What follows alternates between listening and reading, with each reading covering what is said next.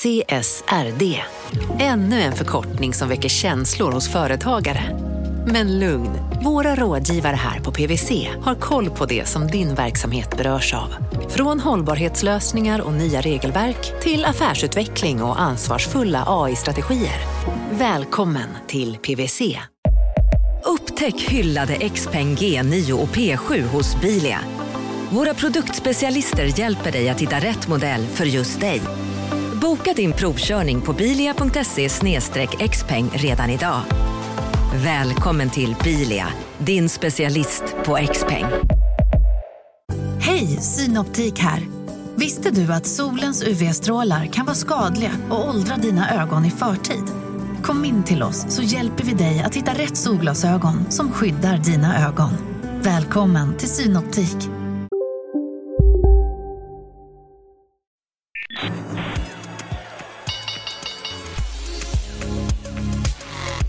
Det här är Affärsvärlden med Helene Rådstein. Hej och välkommen till programmet där vi varje torsdag fördjupar oss i affärsvärldens journalistik. Jag heter Helene Rådstein och med mig idag har jag Johan Anderberg. Du är frilansjournalist och författare va? Yes. Vad har du skrivit för böcker? Eh, En bok om eh, cannabisekonomi och en roman. Och romanen, det är lite så politisk roman kan man säga va? Ja, precis. Är det en thriller? Ja, en politisk thriller. In, inte så mycket våld och så. Mer spring i korridorerna. Och cannabisekonomi, när skrev du den? Det var rätt länge sedan, 2010. Ja, det har ju hänt jättemycket med hela cannabisbranschen, framförallt vad gäller börsen och noterade bolag och bolag runt hela den branschen kan man säga med värmelampor och allt möjligt. Ju. Ja. Vilket bolag är det du följer? Alltså egentligen är det sen jag skrev en lite längre text för Affärsvärlden om cannabisekonomi nu ehm, i höstas. Sen dess har jag väl haft lite koll på det här danska företaget Stenocare som eh, säljer medicinsk cannabis till ja, mest dansk, bara danskar tror jag. Och ehm, det känns som att det kan gå lite hur som helst om de lyckas skala upp produktionen och om de lyckas få läkare att skriva ut deras medicin. För det skulle väl kunna vara någonting för en åldrande befolkning kanske? Ja, det tror jag absolut. Alltså, både anekdotiskt och vetenskap, ur vetenskapliga tidskrifter så, så är det ju ändå ganska lovande vad man kan skriva ut det här för. Så um, det där tror jag bara har börjat. Sen så är det ju oklart om någon kommer tjäna pengar på det och om det här lilla företaget kommer tjäna pengar på det. Medicinsk cannabis, det används om man har ont eller vad används det för? Alltså en hel del grejer. Det som har varit mest lovande är väl folk som håller på att dö eller genomgår en cancerbehandling. Jag träffar ganska många människor som har fått rätt mycket lindring genom det och en del människor som har vårdat anhöriga med det här. Sen är det ju massa andra grejer som folk skriver ut det för som det kanske inte funkar för. Men det här är ju verkligen i sin linda. Liksom det här är väldigt spekulativt, men på sikt tror man kan få med den svenska läkarkåren till att skriva ut medicinsk cannabis? Ja, det tror jag. Det finns ju ett kulturellt motstånd mot droger i Sverige. Men jag tror att läkare här är väl lika intresserade av ny vetenskap som i andra länder. Men du har någonting också här i veckans nummer som du skriver om från det ena till det andra med något som verkligen behövs apropå så här cannabis. Du håller på att skriva om kontanter, visst? Ja, om de behövs. Det är det, är det jag inte riktigt tycker att de gör. Ah, ah, du tycker inte det? Nej. Ja, det är lite min tes att det här kontantkärleken har börjat gå lite väl långt. Okej, vadå? Hur tänker du? Eh, En del länder, framförallt i USA, så har man börjat lagstifta för att behålla kontanterna. Till exempel i Philadelphia och New Jersey så har man bestämt att affärer måste ta emot kontanter. Och här i Sverige har man det här kontantupproret som eh, går ut på att eh, kontanterna måste finnas kvar i samhället. Men de som vill ha kvar kontanter liksom i Sverige, vem går i spetsen för den rörelsen? Det är ju Björn Eriksson, den gamla rikspolischefen. Vilket är lite paradoxalt i och med att i rätt många länder så har man ju sett tillbakadragandet av kontanter som en brottsbekämpande åtgärd. Hur resonerar han då? Mm, alltså han är också ordförande för Säkerhetsföretagen som är en lobbyorganisation för de som skjutsar kontanterna fram och tillbaka. Det är en paradox där, men nu när han företräder dem också så, så pratar han också som företrädare för den branschen. Ja, precis. Jag, jag, jag tror på något sätt att man måste välja väg här och att det, det finns massa problem med ett kontantlöst samhälle i och med att det är många som inte har tillgång till kreditkort och sådär. Men, men då måste man lösa det på något annat sätt än att tvinga alla privata företag i hela Sverige att ta emot kontanter. Har du några kontanter på dig? Nej, jag, jag har inte haft kontanter på mig på flera år. Du kör ingen veckopeng och sådär till dina barn? Nej, eh, inte än faktiskt. Ja, är gissel tycker jag. Mina barn har inga mobiltelefoner heller så jag antar att det finns något sätt att överföra pengar till mobiltelefoner. Men eh, jag vet fan, barn ska nog inte ha pengar. Alltså. ja. Jag tycker att barn ska få pengar om de vill ha pengar. Det är kul för dem att ha lite pengar. Men Johan, du har haft en nyhet också på nätet eller något som har cirkulerat runt i hela Finanssverige kan man väl säga också om eh, Maria Wetterstrand, före detta språkrör för Miljöpartiet. Ja, precis. Vad är det som har gjort henne så special nu på sistone? Hon eh, sitter ju i styrelsen för något som heter Cortus Energy. Ett biobränsleföretag. Precis. Som har utvecklat en, någon form av förgasningsteknik som gör att man kan liksom omvandla den här gasen till olika typer av bränsle sen. Vi vet ju egentligen ingenting om hur bra den här tekniken är så vi kan lämna det därhän. Men hon har samtidigt utrett frågan om huruvida flygbolag ska tvingas blanda in biobränsle i flygbränslet som man har i, inom biltrafik till exempel. Och hon har kommit fram till det här. Så då eh, är hon ju jävig helt enkelt. Och hon har kommit fram till detta i en utredning som regeringen har beställt. Eller? Ja, precis. Då är hon jävig för hon sitter i styrelsen för då Cortus, Mm. eller Cortus Energy. Och sen samtidigt gjort utredningen. Är detta en eh, typ av jävsituation som hon tycks förstå? Jag hörde henne på Ekot här i morse. Det här spelas in på onsdagen. Och eh, jag tyckte det var lite oklart om hon förstod jävsproblematiken överhuvudtaget här. Vad säger du? Ja, eh, jag känner väl lite så också. Men eh, det där med jäv, alltså det finns många olika nivåer här. Alltså det finns dels en juridisk diskussion, men sen finns det också en förtroendediskussion. Och vad väldigt många politiker och andra inte fattar är att förtroende är någonting som, som andra har för dem, och inte som de bestämmer vad de ska signalera ut till andra. Alltså, Inte, och- inte det förtroendet de har för sig själva. Så Nej, att säga. precis. Ja. Och här, till, till hennes försvar kan man ju säga en massa saker som till exempel att det här med biobränsle, att det redan var bestämt i januariöverenskommelsen. Så hon, hon har säkert inte haft så jättestora möjligheter att liksom bestämma själv exakt hur det här skulle se ut och så vidare. Men, men liksom det som ser illa ut är ju ganska illa oftast. Jaha, vad menar men du? alltså, alltså, det- politik är ju någonting som vi, vi liksom, det är en process vi har tillsammans. Så Där vi måste ha förtroende för, våra,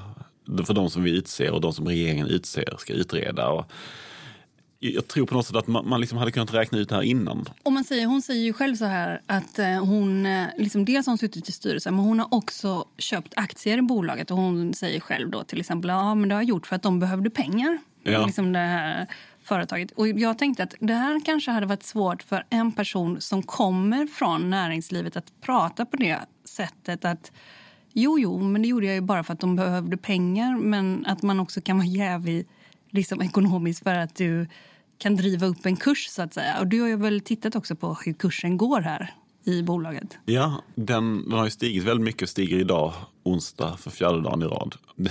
Det, är ganska roligt för det, det finns ju egentligen tre triggers här. Dels är det att det här företaget satte igång en anläggning som verkar fungera. Det är typ den första positiva nyheten som någonsin har eh, förmedlats från det här företaget. Eh, och sen är det ju den här biobränsleutredningen som Wetterstrand har presenterat. Men det tredje är ju att allt det här och framförallt Wetterstrand har ju skapat en enorm uppmärksamhet kring det här företaget som väldigt få hade hört talas om förut. Ja, ja med, liksom medieexponeringen har Ja, varit precis. enorm. Ja. Och det är rätt ofta i små noterade företag man ser att kursen stiger väldigt kraftigt när ett företag får uppmärksamhet i medierna. Antalet ägare har gått upp ganska mycket också. Om man kollar på Google Trends, vilket vi gjorde, så ser man ju att söktrafiken har ökat dramatiskt. Det, här är, det här är en dröm för Cortis Energy helt enkelt. Ja, i alla fall på kort sikt. Man såg också att finanschefen dumpade en massa aktier nu i tisdags. Så eh, det är väl lite en varningssignal. Om man funderar på att hoppa på tåget nu. Ja, tack för Han det. sålde för 35 öre i alla fall. Så det är väl någon form av riktkurs här känner jag. Vad står den i nu då? Kanske runt 40, 39 kanske, något sånt. Men, men det kommer ju ändras om två minuter igen. Ja, ja, det kommer säkert ändras när podden kommer ut. Men mer om detta och mer prat med dig Johan Anderberg Det kommer efter budskapet från vår sponsor som kommer här. Marknaden sponsras av SPP, pensionsbolaget. Eh, förra gången pratade vi lite om ITP. Och som en kort repetition så, så var det ju 70-tal, arbetsmarknadens parter bestämde att alla tjänstemän ska ha en tjänstepension. Man kom överens om vilka villkor som ska gälla i den här pensionen och så kallade man den för ITP. Så jobbar man idag som tjänsteman i ett företag med kollektivavtal, då har man förmodligen den här pensionen, ITP-pensionen. Eh, och det är ju så att man kan påverka eh, den här pensionen, hur den är placerad. Vart femte år så gör nämligen Collectum, som de heter, en enorm upphandling där olika pensionsbolag kan ansöka om att få förvalta eh, de här pensionerna. Och SPP är ett av bolagen som valdes ut i den senaste upphandlingen. Och sen kan du som pensionssparare välja eh, vilket av de här olika pensionsbolagen som, som då ska få ta hand om dina pengar.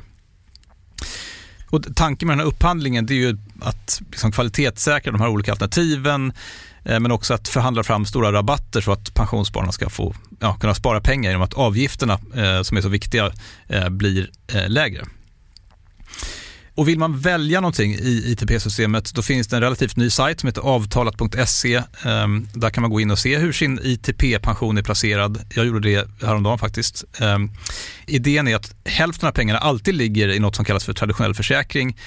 Det här gjorde vi ett avsnitt om i podden Kapitalet nyligen eh, som vi kallade världens bästa sparform. kan man lyssna på om man är intresserad. Eh, den andra halvan eh, den kan man också lägga i en traditionell försäkring eller så kan man placera det i något som kallas för fondförsäkring. Eh, SPP som sagt eh, var ju ett av de fåtal bolagen som valdes ut i den senaste upphandlingen och de finns med som alternativ både med en traditionell försäkring och med eh, fonder.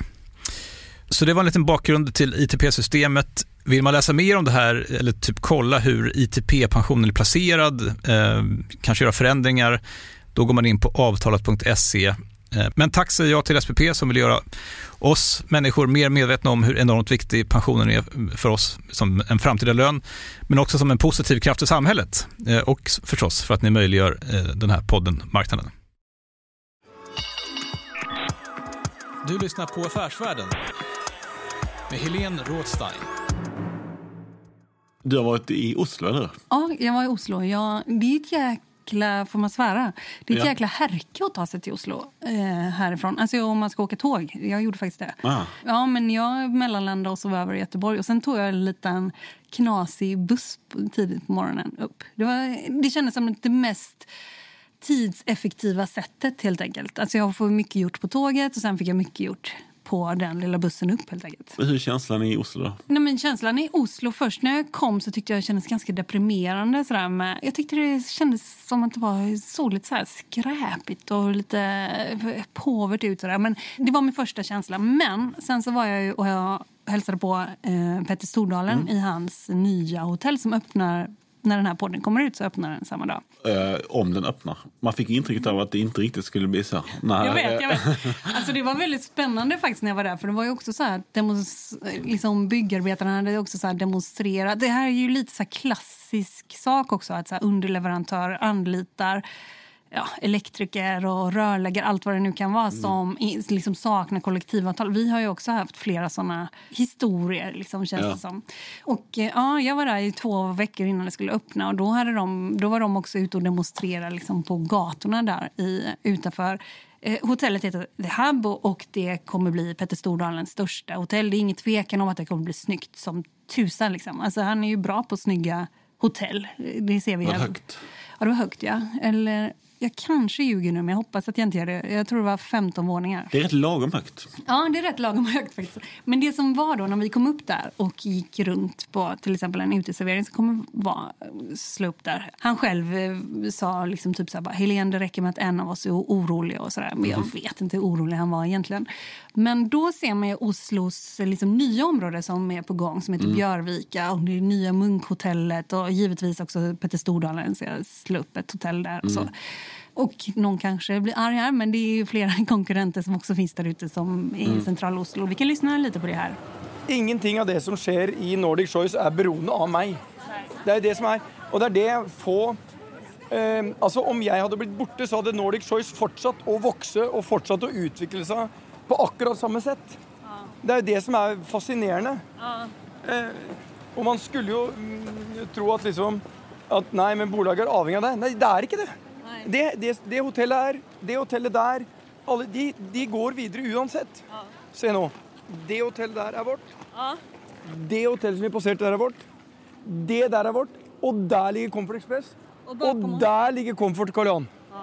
Nå er du midt i Choiceland. Mitt i Choiceland och mitt i Oslo. Midt i Choiceland og midt i Oslo. Det er samme sak. Och konkurrenterna då? Ja, bare er dem. Ja, det er én der, og så er det et, det er, ja, det er et eller annet til borti her. Men, men som jeg sier, ikke tenk på konkurrentene. Og det var det som var vår suksessoppskrift. Så Och det som var påtagligt när man, när man gick runt det var att det var så nära mellan alla hans hotell. Alltså man var runt Järnbanetorget, Mm. liksom centrala Oslo. Då finns det liksom ett hotell till höger, ett hotell rakt fram, ett hotell till vänster, ett hotell snett över torget och ett nytt hotell som också ska öppna om två veckor som heter Amerikalinjen och sådär. Men det som var kul också med Petter Stordalen tycker jag, det är ju liksom att han... Ja, men dels kanske man... Han är väldigt trevlig liksom, när man träffar honom. Han är så överpersonlig, men han är ju glad. Och liksom man känner, vi som är vana vid att bevaka svenska näringslivet jag kan bara säga att jag saknar ju lite såna profiler härifrån. Eller v- vad har vi liksom? Vem är motsvarigheten till Petter Stordalen i Sverige? Alltså, du, du kan inte jämföra honom med en svensk företagsledare utan mer med saudiska prinsar eller ryska oligarker. Ja, de har också fått det. Han, Ja. han är ju ändå self-made. De är Ja, lite... men, men, men, det, men han kommer ju ändå från, han kommer ändå från ett oljeland. Det, det, det måste ju prägla honom. Men eh, vi kanske också entreprenörmässigt, alltså det är väl skillnad på om någon är vd och tillsatt vd eller om någon är liksom i grunden en entreprenör. Det kan man ju säga. Ja, det, det är svårt att hyra hela Globen om man bara är en vanlig vd som liksom gör, gör det för någon annans pengar. Ja, precis. När man pratar om den där VK-konferensen som man kan se, det, jag nästan rekommenderar att kolla lite på den där VK slash VK19 eller sådär. När man ser liksom hur han samlar alla anställda i Globen och eh, utifrån så verkar det absolut som ett sektmöte. Alltså alla, jag vet inte vad som krävs för eh, kategorier för att det ska vara ett sektmöte, men verkligen. Det verkar det absolut vara. Och liksom han står längst fram ibland. och så här. Typ hela publiken ropar så. Och han står längst fram och sen så avslutar han och säger jag älskar er. Liksom. Mine damer og herrer, ta vel imot Petter A. Stordal.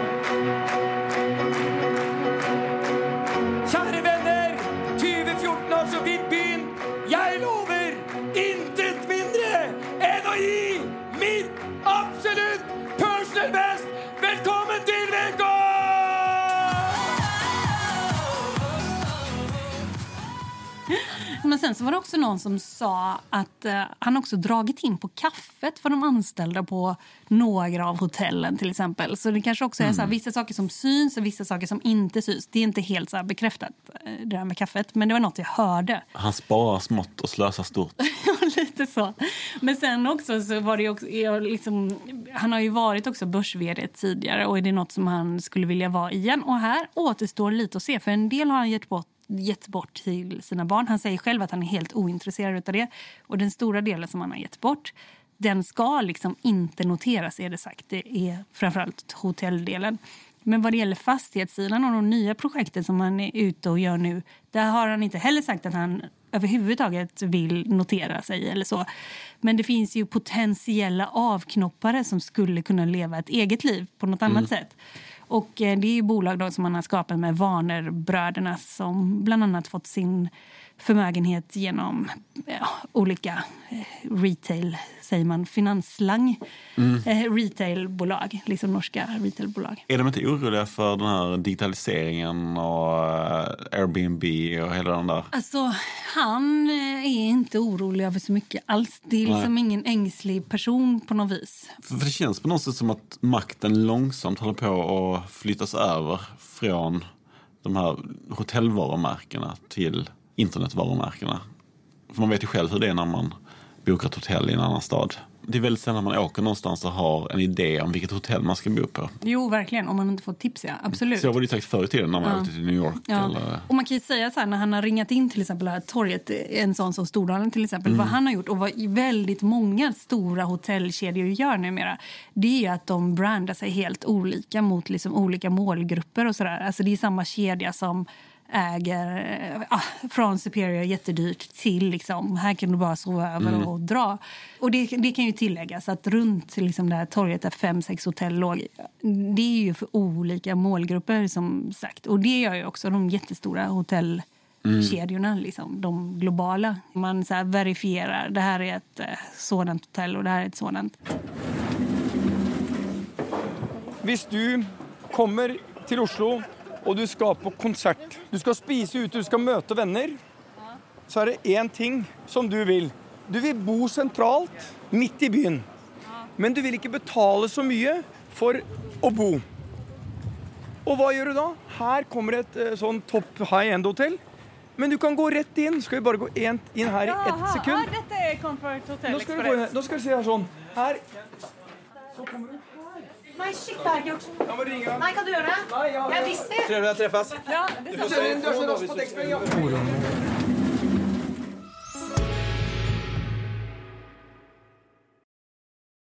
Eh, Marknaden sponsras av Karla. Eh, Vi pratar ju en hel del om bilar här- på kontoret. Eh, Karla har ju skapat, skulle jag säga, det som är standarden för hur man idag köper och säljer bilar på nätet. Eh, Kort bakgrund bara. Eh, Karla säljer och leasar begagnade elbilar eh, och laddhybrider på karla.se. Alltså en helt eh, digital upplevelse. Och man har gjort det här med ett nästan maniskt fokus på vad en bilköpare faktiskt behöver. Jag gjorde ju en intervju med en av grundarna, Patrik Illerstig, i marknaden här eh, ganska nyligen, eh, daterad 25 mars, om man vill lyssna på den. Eh, men där berättar han hur de kom in i det här lite från vänster för att försöka uppfinna hela den här liksom bilköpupplevelsen från början. Och de har idag, vilket är rätt otroligt, 4,8 i betyg eh, på Trustpilot. Jag, jag har sett många företagssidor på Trustpilot, men det här är nog bland eh, det bästa jag någonsin sett faktiskt. Man kan sälja bilen till Karla också. Då går man in på karla.se, delar lite info om bilen, sen får man en gratis värdering och ett bud. De hämtar bilen helt gratis i hela Sverige och så har man pengarna på kontot i samma stund som de hämtar bilen. Det är grymt. Eh, så ska du köpa en ny bil eller sälja din gamla, eller båda delar för den delen, gå in på karla.se och eh, kolla. Alltså karla.se och Karla stavas med C. Tack så mycket till Karla.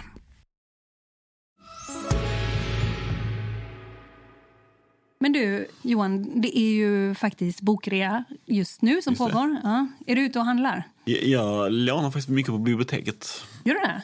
Mm. Eh, Jag har faktiskt ett modus här som, som är halvt olagligt. Men, eh, eller jag köper rätt mycket böcker också. Men sen när jag har läst klart en bok brukar jag försöka hitta den på Pirate Bay och ladda ner den. Så att jag har den. Och sen brukar jag slänga böckerna eller ge bort dem. Mm, för jag ser du sitter här med en bok som heter Melting Pot or Civil War av eh, Raihan Salam, säger man, eller? Raihan Salam. Det beror på om det är hans mamma eller pappa eller hans kompisar som säger det.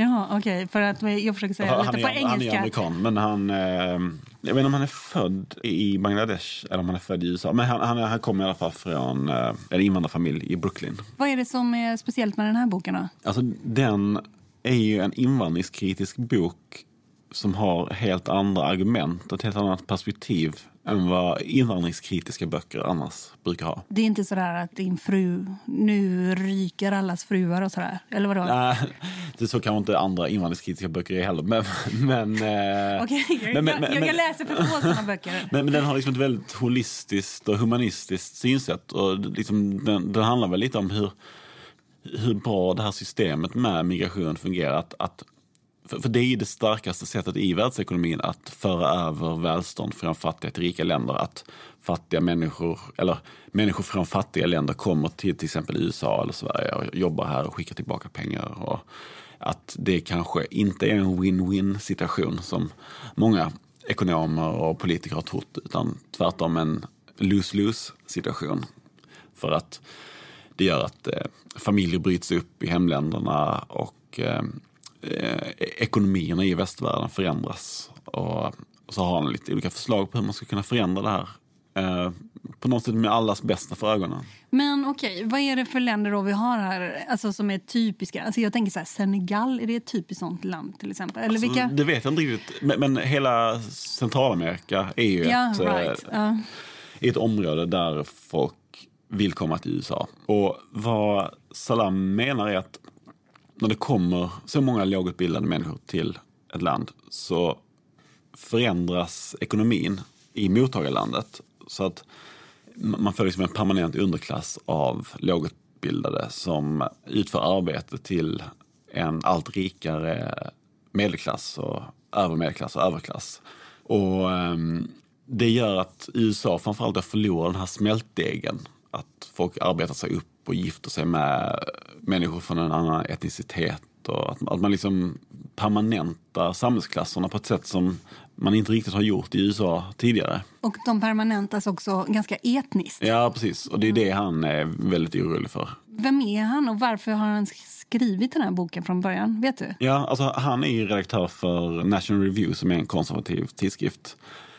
Och han tillhörde en av de här så kallade reformicons som eh, ville reformera det republikanska partiet efter att Mitt Romney hade förlorat. Och då eh, menade han liksom att republikanernas väljare till stor del arbetarklass nu. Och eh, de eh, går inte bara att nå genom kulturella frågor som till exempel abort och vapen och så, utan man måste också ha en ekonomisk politik som eh, gynnar dem.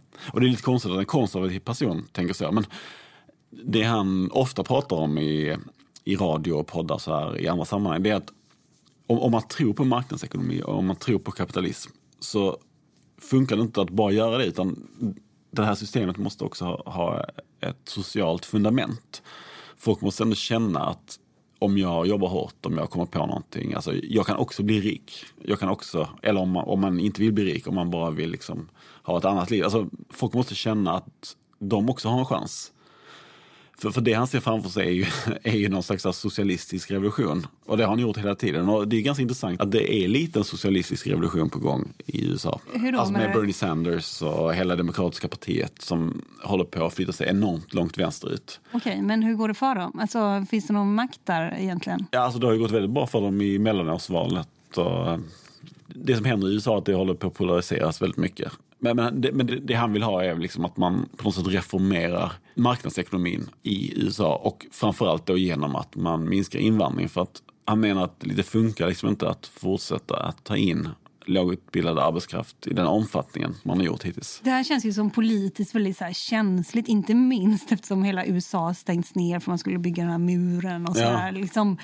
Men eh, också eh, politiskt känsligt, liksom hela resonemanget eh, sådär, i Sverige. Mm, Det finns ju massa nivåer här. Vi, har ju också, vi kastar ju också ut liksom, högutbildade människor och tar in lågutbildade och sådär. Kan man översätta hans tankar till Europa eller svenska ekonomin, det som han ser i USA? Verkligen, för, för vi har ju lite haft samma eh, utveckling i Sverige och kanske ännu mer så de senaste åren. Eh, utbildningsnivån på de som har kommit de senaste åren har varit mycket lägre än den har varit tidigare.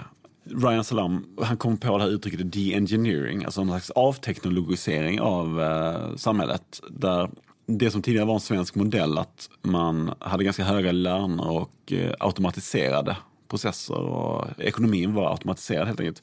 Den, den klockan vrids tillbaka nu och man håller på att få en arbetsintensiv ekonomi. Och, och det kan man lite se, tycker jag, ute på stan med alla de här liksom apparna där man liksom kan bara be någon komma och hämta en skräp och allt fler människor har hemhjälp och sådär.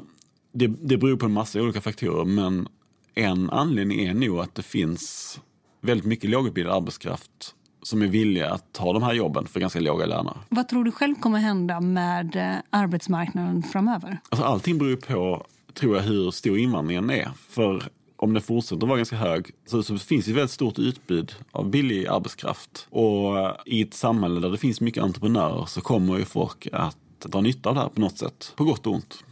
Det finns ju också en, en tanke som är att man alltid som land kan välja vilken invandring man ska ha. Men världen är ju grym där ute. Jo, absolut. Det, det är inte säkert att det här är det rätta sättet att göra. Alltså, men jag tror att framförallt i Sverige och även i USA så har man haft någon slags illusion om att man kan ha väldigt hög invandring och ändå bevara jämlikheten i samhället. Och det finns väldigt lite som tyder på det och jag tror på något sätt att man måste vara ärlig och säga det. Sen, sen kan det finnas tusentals andra skäl att ha en hög migration. Till exempel av humanistiska skäl.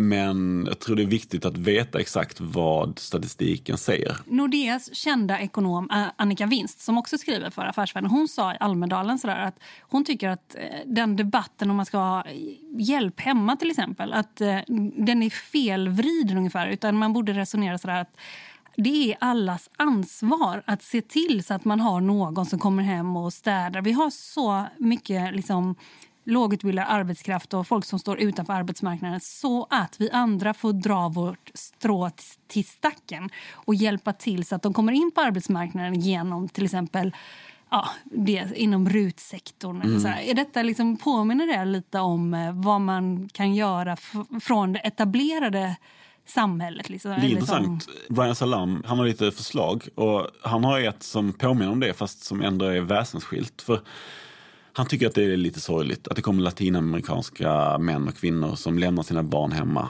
i sina hemländer för att eh, till exempel ta hand om amerikanska pensionärer. Då föreslår han liksom, varför kan vi inte bara bygga äldreboenden i Nicaragua? Skicka ner våra pensionärer dit, tusen gånger bättre väder. De här sjuksköterskorna kan liksom bo hemma hos sina familjer. Mycket enklare för eh, den här pensionären att ta ett flyg hem till Florida eller New York, var han nu bor, och hans eh, släktingar tycker säkert att det är jättetrevligt att hälsa på honom där. Och då sprider man ju de här resurserna mycket bättre i hemländerna istället för att de här människorna ska komma och skicka tillbaka pengarna. Ja, men det är också en intressant tanke för det handlar också någonstans om att splittra familjer. Alltså, ja. jag vet inte om jag är 80 år bara, ja, men vet du, det kanske är härligare för dig på Malta. Ja. Det, det, det är inte lika illa att vara 80 år och lämna sina 50 år gamla barn Nej. hemma i Sverige. Nej. Som det är att lämna en femåring hemma. Nej, det är sant. Ja, det är intressant. Okej Johan, tack för att du kom hit. Tack själv. Kul att ha dig här. Hej. Hej.